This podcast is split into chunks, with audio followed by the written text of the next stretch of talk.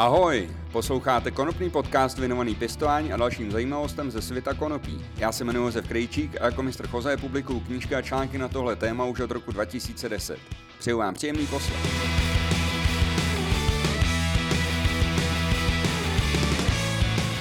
Vítejte u 41. epizody Konopného podcastu. Tahle epizoda je takovým volným překladem toho, o čem jsme si povídali s majitelem firmy Seedstockers – Joukem. Byl jsem tam eh, minulý rok v prosinci, jsem si udělal výlet do Amsterdamu a eh, rozhovor s Dutch Passion na Paradise Seeds už jste mohli v konopném podcastu a na YouTube slyšet a vidět. A dneska eh, je ten díl asi třetím rozhovorem, který jsem tam udělal, a to bylo právě s Joukem. Ta seedbanka se jmenuje Seedstockers a Seedstockers původně byla taková odnož Dutch Passion, protože vlastně eh, Jouk a další lidi z Dutch Passion hm, došli k názoru, že by bylo dobrý začít eh, nějakou další, hm, další firmu, další, eh, další genetiky šlechtit a tak založili Seedstockers. No a Jouk se mi už před dvěma, třemi lety říkal, že bych chtěl vlastně Seedstockers jakoby odtrhnout od Dutch Passion a udělat eh, z toho vlastní firmu, což se mu nakonec povedlo a já jsem eh, byl moc rád, že jsme se mohli v tom eh, Amsterdamu sejít. My jsme se teda sešli v Alkmaru, což je kousek nad Amsterdamem v jeho holandské kanceláři. No a já vám teďka řeknu, o čem jsme se povídali. Pokud byste chtěli tenhle rozhovor vidět a slyšet v originále, tak je na YouTube i na podcastu, podcastových aplikacích volně přístupný. Připomenu, že, připomenu, že předplatitelé na Piki.cz, jak tenhle podcast, tak ty videa vidí dřív vlastně než eh, ty, kteří to vidí zdarma. Chtěl bych taky poděkovat těm, kdo mě podporují tím, že si předplácí to měsíční předplatné za 119 korun na tom piki.cz. Musím taky poděkovat eh, firmě Advanced Hydroponics of Holland, eh, výrobcem hnojiv a doplňků, doplňků pro pěstování konopí, kteří mi taky eh, podporují nově v tvorbě tohle podcastu. Tak ale teď už k tomu rozhovoru. Eh, jak jsem eh, říkal, Seastokers původně patřili pod Dutch Passion a já jsem se Jouka ptal, co ho vlastně vedlo k tomu tu firmu osamostatnit. A on mi říkal, že v Dutch Passion pracoval nějakých sedm let a že to pro něj bylo, byl čas plný období spousty dobrodružství a že to bylo super. No ale nakonec se vlastně dohodli, že by bylo dobré udělat nějakou novou organizaci s vlastní identitou, s vlastními semeny. No a majitel Dutch Passion tu eh, myšlenku podpořil a založil vlastně tu novou firmu, eh, podpořil to vlastně finančně.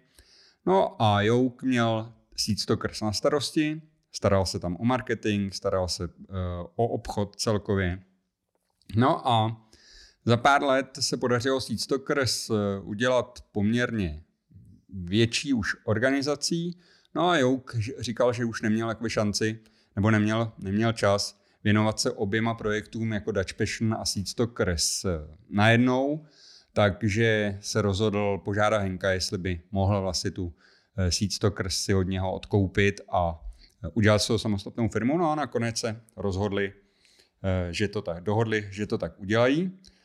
No a samozřejmě mít seedbanku je poměrně, nebo rozjíždět novou seedbanku není úplně jednoduché, protože těch seedbank je na trhu spousty, je spoustu firm, které prodávají semena pod svojí značkou. No a Seedstockers se samostatnili v roce 2022. No ale opravdu se jim už, eh, už při tom oddělení, už eh, Seedstockers se zapsalo do povědomí spousta, eh, spousta pěstitelů. Pět let ve srovnání s 30 nebo 35 lety, které má za sebou Dutch Passion, to není dlouhý čas nebo dlouhá doba, těch pět let. A já jsem se ptal Leuka, jak se mu vlastně podařilo, nebo jak se jim podařilo Eh, vlastně tu, tu semenou banku dostat do takové pozice, v které je. A já potvrdil, že to není jednoduché, že je to k tomu třeba hodně práce a řekl taky, že lidi, kteří si myslí, že by mohli založit seed banku a vydělá na tom spoustu peněz, tak že nemusí úplně uspět, že to opravdu není jednoduchý. Jouk osobně říká, že si myslí, že nejdůležitější je ten produkt, to znamená, že mít kvalitní semena a dostat je k, k zákazníkům, že to je to nejdůležitější. A že pokud nemáte kvalitní semena, tak na ten úspěch v téhle branži můžete klidně zapomenout. Eh, důležitý je taky mít dobrý lidi a říkal, že asi ta, eh, že on sám má spoustu zkušeností vlastně z Dutch Passion a ještě eh, s firem, v kterých pracoval předtím, že předtím dělal ve firmách, které nebyly vůbec spojený s konopím, že k tomu se dostal teprve později, ale o tom ještě bude řeč.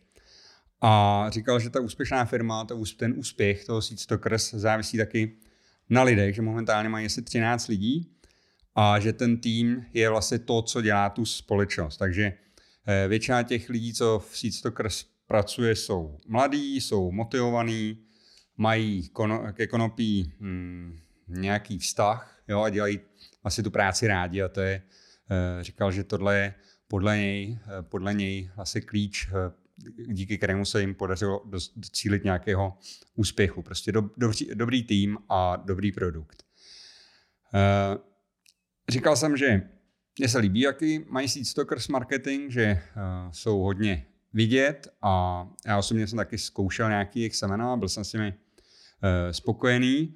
Uh, chtěl jsem se zeptat Jouka na to, co ho vlastně k konopí přivedlo, jak se do téhle branže dostal a vůbec, eh, vůbec eh, konopí, kdy poprvé uviděl. A on mi říkal zajímavou historku, že eh, když byl malý, tak jeho trejda pěstoval doma konopí, ne jako konopí pod lampou, jako dneska, prostě to měl normálně na okně a měl sestru a ten strejda měl sestru a ta sestra měla králíka a ten králík okusoval to konopí, takže to bylo první, kdy se vlastně s konopím setkal a říkal tomu králíkovi, to moc chutnalo, takže eh, se mu to jako zapsalo tady ta vzpomínka do paměti a dneška si to pamatuje jako takovou první vzpomínku na konopí.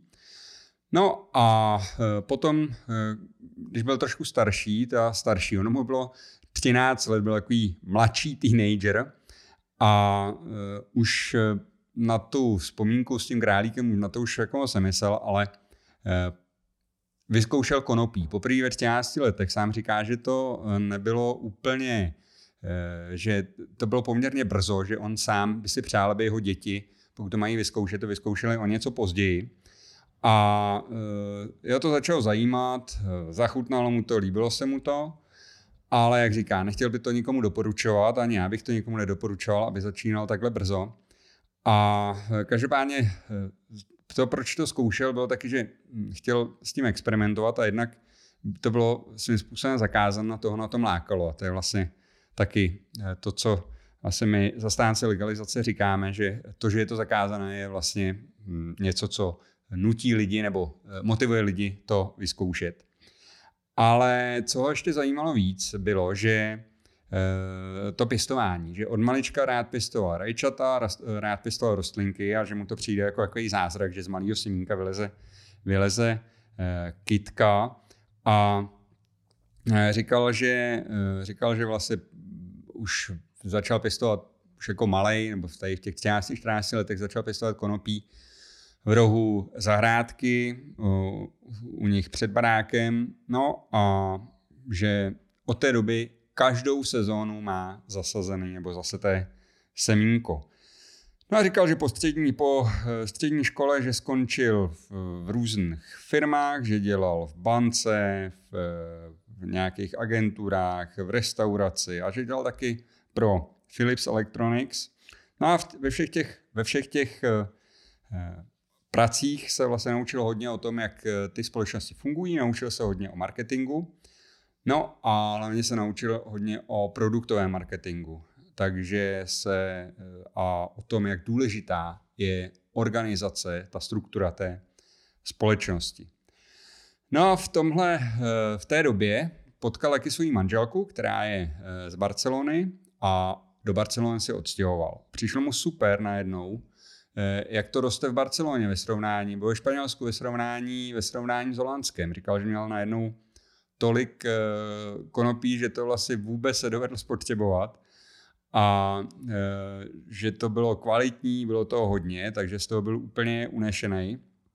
No ale nakonec se rozhodli vrátit do Holandska, to jim bylo asi tak kolem 26 let a začali žít v Holandsku. No a pak zase pracoval v nějakých, jak říká, nudných pracích, v nějaký textilní e, společnosti. No a potom viděl e, inzerát, že Dutch Passion nabízí volnou pozici. No tak si to přečet a všechno vlastně, co tam požadovali, tak on splňoval. A navíc eh, ho konopí eh, zajímalo, takže se přihlásil a oni ho vzali. V té době vlastně netušil, že vůbec existuje nějaký eh, konopný biznis, že jsou tady nějaké seminářské společnosti, že jsou tady hnojivářské společnosti a tohle vůbec vlastně netušil. Takže to bylo celý super, hlavně první rok, když to všechno objevoval, tak byl úplně, úplně unešený, prostě třeštil oči, co všechno se kolem toho konopí děje. No uh, a začal v tom oboru pracovat. Já se ještě chtěl připomenout, protože Jouk eh, mluví asi pěti nebo šesti nebo sedmi jazyky. Uh, mluví fakt dobře všem, jak jsem se ho zeptal, jestli umí taky česky, ale bohužel česky umí jenom jedno slovo a to slovo je, hádejte co? Pivo. To ještě nevyslovujeme moc dobře, ale, ale asi by si objednal. Tak už říká, že to jako je dobrý, že umím taky něco holandsky, jakože dobrou chuť a děkuju, myslím si, dankevel a machelik. To cinc není zač, to už si úplně nepamatuju. No, ale to je jedno, to není vlastně úplně podstatné. E, ptal se se, kolik, e, kolik odrůd e, Seedstockers v tuhle tu chvíli má. Jouk mi řekl, že to mají rozděleno vlastně momentálně na tři takové hlavní sekce a že mají tři kolekce. Klasická genetika, která zahrnuje odrůdy jako Critical, AK, Big Bat, White Widow, Skunky a podobné. A že, je to, že jsou prostě založeny na těch slavných odrůdách, a tyhle ty odrůdy vlastně byly slavné jak v Holandsku, tak eh, ve Španělsku. A tato eh, eh, kolekce má zhruba 20 odrůd. Pakže mají další kolekci, to je USA Collection, americká genetika, hlavně kalifornská genetika, zase známé, založená na známých odrůdách jako je Gelato, Gorilla Glue, Wedding Cake, Dozidos, Purple Punch. Takže v této eh, kolekci mají taky asi 20 produktů, no a potom mají eh, třetí kolekci a to je Seedstackers Superior Collection a tam mají, eh, tam zatím nemají 20 odrůd, ale chtěl by se na tyhle čísla dostat. Momentálně jich mají asi 10 a to už je vlastně, to už vyvíjejí tady ty odrůdy šlechtí od roku 2017 No a letos v roce 2023 tak některé ty odrůdy vlastně už uvedly na trh.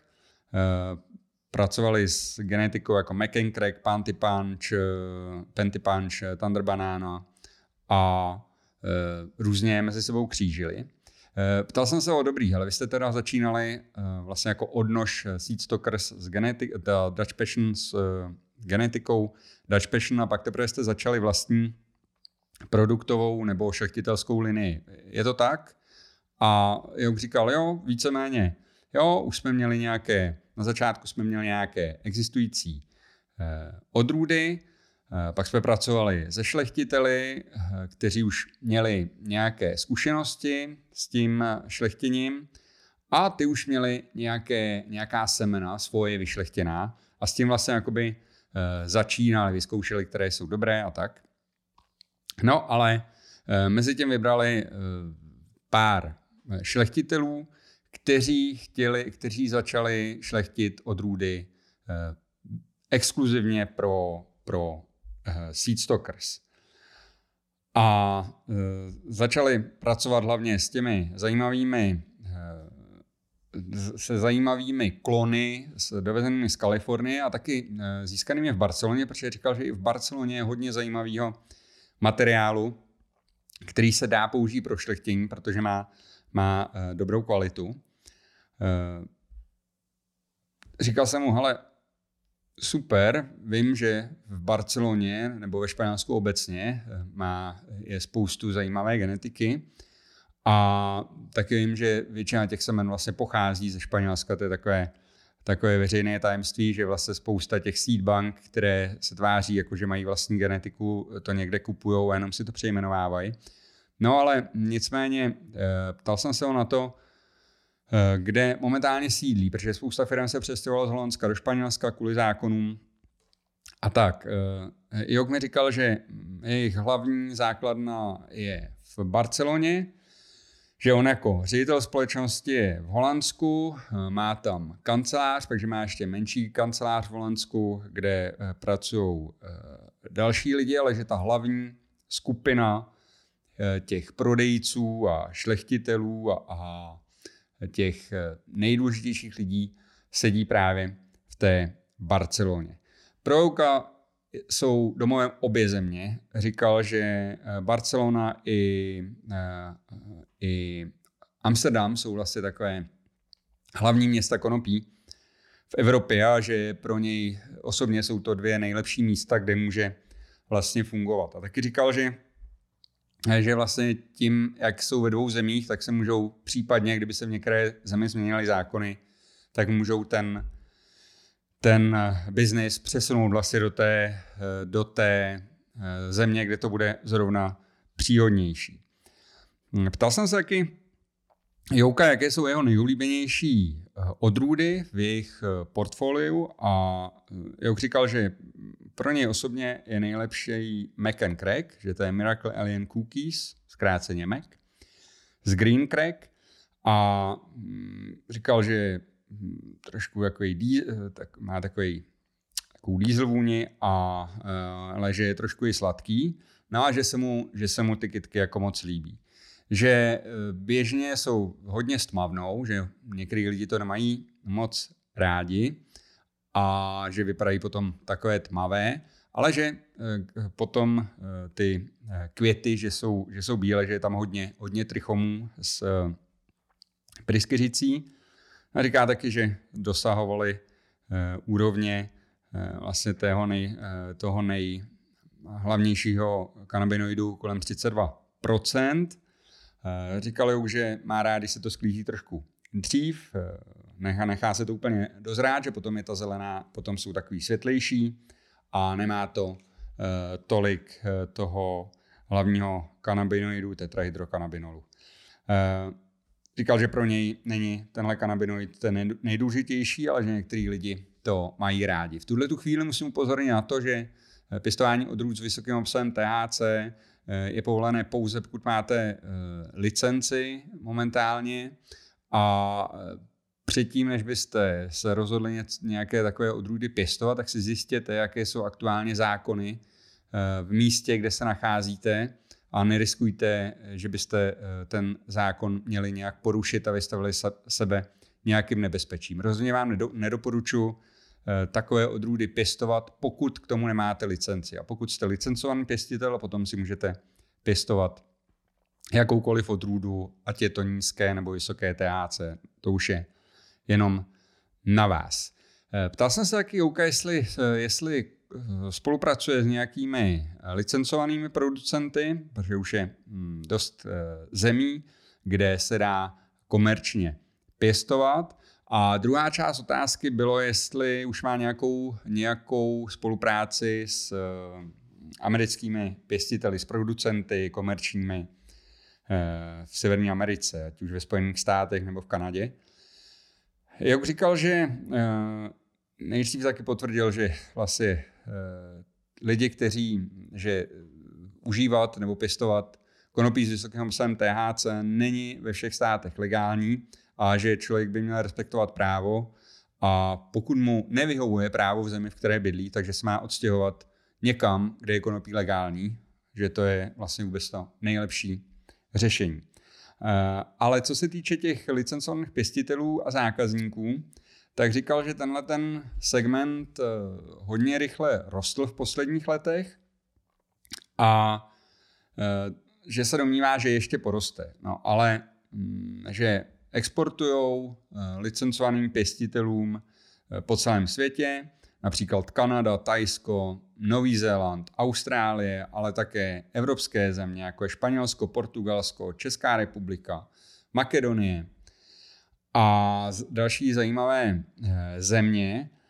A co se týče samotného amerického trhu, jako uvnitř USA, tak říkal, že to je vlastně trošku komplikované, že to je jiný, jiný příběh, protože tam je víc trhů uprostřed těch spojených eh, států, protože každý ten stát, kde je konopí nějakým způsobem regulované a legální, tak eh, má vlastní pravidla a že doteďka tam vlastně seedstockers ne, semínka neposílají, protože zatím nenašli legální cestu, jak to dělat, protože na federální úrovni je konopí pouze stále nelegální ale že to sledují tu situaci a snaží se najít způsob, jak tam svoje semena eh, dostat. Eh, říkal Jouk, že se mu líbí, že eh, ty pravidla ohledně konopí se pomalu uvolňují a že uvidíme, jak dál to bude, jestli se v Americe bude legalizovat. K tomu jsem jenom poznamenal, že co jsem já slyšel v Americe, tak hodně lidí říkalo, že tak pět let, než to bude legální na federální úrovni. No a taky se říkal, že v Evropě z největší pravděpodobností čekáme na e, Německo, takže svět čeká na Ameriku a my čekáme na Německo. No, nicméně e, byli jsme v Alkmáru v Holandsku a v Holandsku taky probíhají nějaké změny. E, ptal se se Uka, jak vidí tu situaci, protože protože tam probíhá momentálně nějaký coffee shop experiment, kdy vlastně 10 pěstitelů dostalo licenci a bylo vybráno 10 měst, v kterých bude, eh, bude nějakým způsobem umožněno dodávat legálně konopí do coffee shopů, protože je to momentálně legální, to dodání do těch coffee shopů není. A e, říkal, ptal se se vlastně, jak to vidí on, že celá ta věc se zdá probíhat eh, poměrně pomalu a hodně lidí říká, že to je problém, že to je, že to je pomalé. A ptal se se, jestli než to vlastně přijde v platnost, jestli nebude, eh, nepřijde nějaká větší změna. Eh, Jouk říkal, že si nemyslí, že to je nejlepší způsob, jak jim to udělali, ale že to je nějaký kompromis, že tradičně mají v Holandsku eh, větši, většinu v parlamentu, která je konzervativní a potom mají takovou progresivní menšinu. A tímhle způsobem to nějakým způsobem funguje už delší dobu, jako tradičně a že čas od času se podaří vlastně eh, tomu té progresivní menšině prosadit něco jiného. Taky eh, třeba Holandsko bylo jedna z prvních zemí, nebo první země, kde bylo možné, kde byly možné sňatky homosexuálů, takže byly první zemi, která měla coffee shopy a já si myslím, že vlastně to progresivní křídlo v některých případech dokáže prosadit nějaké Eh, zákony, které posunou to Holandsko nebo to Holandsko eh, postaví do nějakého speciálního světla, řekněme, nebo eh, udělají tam nějaký pokrok. Říkal, že je rád, že to takhle mají, že s tím plně souhlasí, ale že by chtěl vidět tak větší pokrok, že by to chtěl vidět rychlejší, protože ta situace, kdy jsou coffee shopy, které můžou legálně prodávat kanabis, ale neexistuje vlastně způsob, jak ho legálně dostat do toho coffee shopu, takže to je směšný a že to dosud nebylo nikdy, eh, nikdy vyřešen, ale že to je realita. Eh, byl to nějaký kompromis a žádný politik si nechce ušpinit ruce tím, že vlastně on bude ten, kdo to, eh, kdo to zlegalizuje. Takže je s tím experimentem nějakým způsobem jako spokojený, ale že je v tom jenom 10 uh, growerů nebo společností, které můžou pěstovat 10 měst, takže to není úplně ideální, protože už v roce 2021 byly ty licence rozdány a na konci roku 2022 ten experiment ještě, nebyl v prů, uh, ještě neběžel, takže to trvalo už zase skoro dva roky. A myslím že, myslím, že teďka nějak to konečně začalo být realitou. No a říkal, že je možný klidně, že mezi tím, než se to, než se to realizuje, takže třeba budou legalizovat v Německu.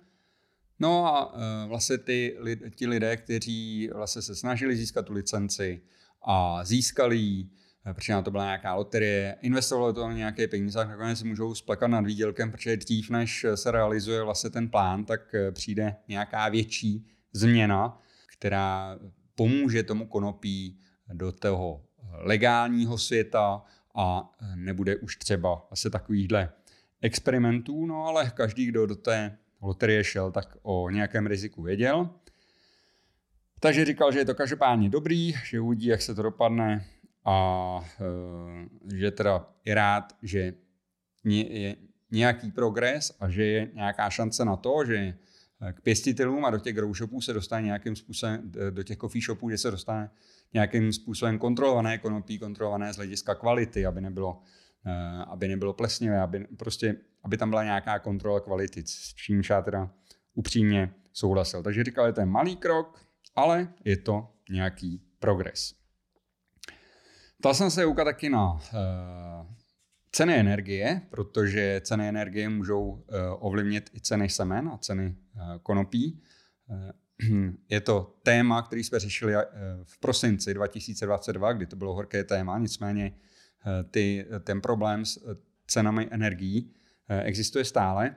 A říkal mi, jak říkal, no 90% semen seed stockers pochází ze Španělska a že je tam hodně producentů, kteří pěstují ve sklenicích Eh, jakože v dobře vybavených sklenících, mají tam klimatizaci, odvlhčovače, prostě profesionální skleníky. Některé jsou malé, některé jsou velké, ale všechny jsou profesionální.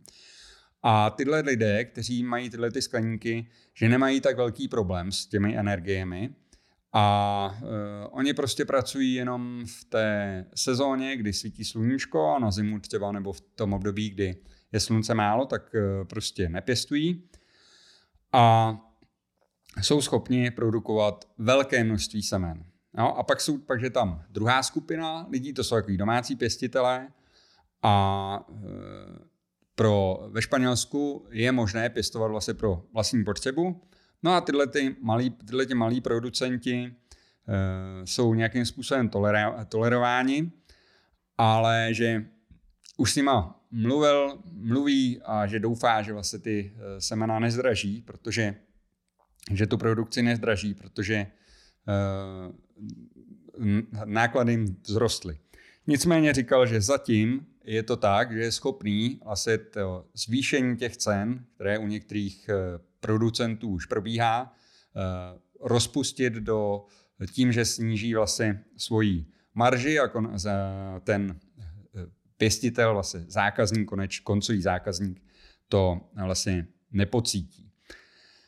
Eh, taky si myslí, že eh, cena konopí na ulici, nebo řekněme vypěstovaného konopí, bude muset jít nahoru kvůli těm energetickým nákladům a to jak eh, při, hm, řekněme, nelegálním prodeji, tak v tom legálním a i v lékárnách.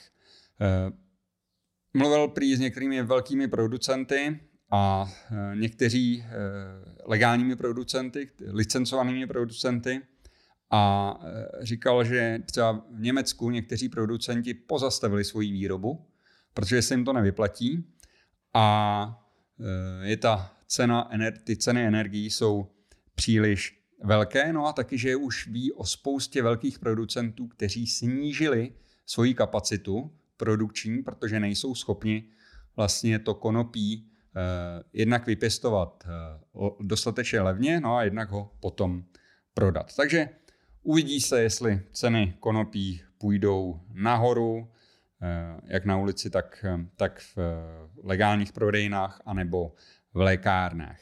Říkal jsem, že je to taková absurdní situace, že vlastně v Americe hodně konopí na prodej, někde jinde zase konopí se nedá pěstovat legálně, ale každopádně jistý je, že Eh, ty přebytky toho konopí eh, se taky eh, dováží za nízkou cenu do Evropy, i když ne úplně legálně, a to trošku křiví ten trh. No a potom ty noví producenti mají těžkou konkurenci levného konopí ze zahraničí. No,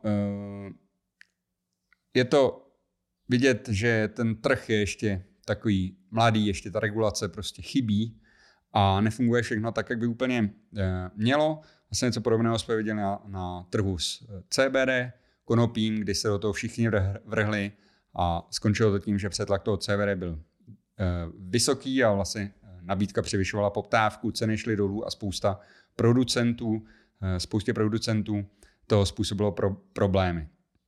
Ptal jsem se Uka taky, jaké plánuje nové odrůdy, eh, protože to bylo koncem roku a obvykle se nové odrůdy přináší eh, začátkem sezóny na jaře, tak mi říkal, že pracují s odrůdami jako Lemon Tree, Lemon Pound Cake, Tenji, Slurricane a nebo Apple Fritter. No a z toho šlechtí novou genetiku a dneska už vím, že vlastně z toho vyšlechtili uh, odrůdy London Pound Punch, Slur, Slurry Fritter, Tenji Fritty, Fritz a Tenji Tree. Takže křížení těch odrůd, o kterých, o kterých jsem mluvil, získali tady ty nové odrůdy. Uh, najdete na uh, stránkách Seedstockers, uh, odkaz najdete na mém webu. A ptal jsem se Uka taky, jaké plánují, jaké plánují veletrhy na rok 2023, protože těch veletrhů neustále přibývá. Jouk říkal, že eh, by chtěli být na všech, ale z hlediska času a peněz eh, nemůžou, takže musí vybírat. Říkali, že budou každopádně v Římě, v Barceloně, v Berlíně, v Praze. A se chystají i do Chile a Argentíny. No a pokud se objeví nějaké zajímavý, nějaký zajímavý veletrh, takže se, eh, že se na něm určitě objeví. A takže pokud nějaký z těch jmenovaných veletrhů vyrazíte, tak tam určitě stánek Seedstockers uh, uvidíte. Uh, jedna z posledních otázek, kterou uh, kladu, je vždycky, jestli chce ten, s kým dělám rozhovor, vzkázat něco vám, posluchačům konopného podcastu a obecně pěstitelské nebo konopné komunitě. A jak říkal, že si myslí, že každý, kdo pěstuje, konzumuje věci z konopí, Eh, si myslí, že konopí by mělo být legální, že to je náš největší cíl a že taky doufá, že v České republice, eh, že se o tom hodně mluví, že i u nás se bude legalizovat, že v to doufá. Ale říkal, že hodně důležité je pamatovat si, že a nejenom pro oblast konopí, ale pro všechny konopí, že všechny změny eh, ve společnosti pochází právě z společnosti a že jsou tvořeny vlastně lidmi. Je to vidět teďka, že lidi nechtějí, aby konopí eh, bylo ilegální a že se něco začíná vlastně dít i na té, eh, v té, na té úrovni, kde se ty zákony vymýšlejí. Mezi těmi politiky už eh, diskutuje se o tom, vymýšlí se, jak to udělat a to je vlastně důkaz toho, že to šlo ze spoda, tady ta, tady ta změna. Říkal taky, že je dobrý mluvit s přáteli o tom, že třeba užíváte konopí, nebo že jste pro legalizaci konopí, nebo že v konopném odvětví pracujete, aby to stigma, které na tom konopí stále leží, tak aby nějakým způsobem se rozpouštělo, aby eh, i další lidé souhlasili s tím, že, to konop, že konopí by mělo být legální, protože je to eh, rostlina, která eh, je s člověkem hodně, hodně dlouho a její ilegalita je dlouhodobě terčem, terčem eh, kritiky spousty odborníků a samozřejmě i uživatelů. Potvrdil jsem, že si jak myslím, že ta změna chodí uh, ze spoda. Uh, ještě jsem dal takovou poslední otázku, protože jsem, vím, že Jouk dřív obchodoval s, taky trošku s CBD konopím, tak jestli v tomhle ohledu ještě něco dělá, jestli Seed Stockers nabízí nějaké jiné produkty než semena, Juk říkal, že už eh, s tím minimálně, že s tím v podstatě skončil, protože je naprosto vytížený prací eh, v Seedstockers a že Seedstockers jako takový neprodávají žádné, žádné eh, produkty mimo, mimo konopná semena. A že to tak asi zůstane i nadále, že mají nějaké skateboardy, nějaká trička se svým potiskem, se svým logem, ale to, že je prostě mm, vysloveně takový merch, prostě takový e, trika pro dobré zákazníky nebo e, do různých soutěží a tak. Takže hlavním, e, hlavním artiklem, hlavním artiklem Seedstockers jsou konopná semena. No a to je vlastně z tohohle rozhovoru víceméně všechno. My jsme se s Joukem rozloučili s tím, že ještě někdy můžeme udělat tento rozhovor znova. Znovu připomenu, že originál tohoto rozhovoru v angličtině si můžete poslechnout tak na podcastových aplikacích, tak vidět na YouTube i s obrazem, kde Jouka uvidíte.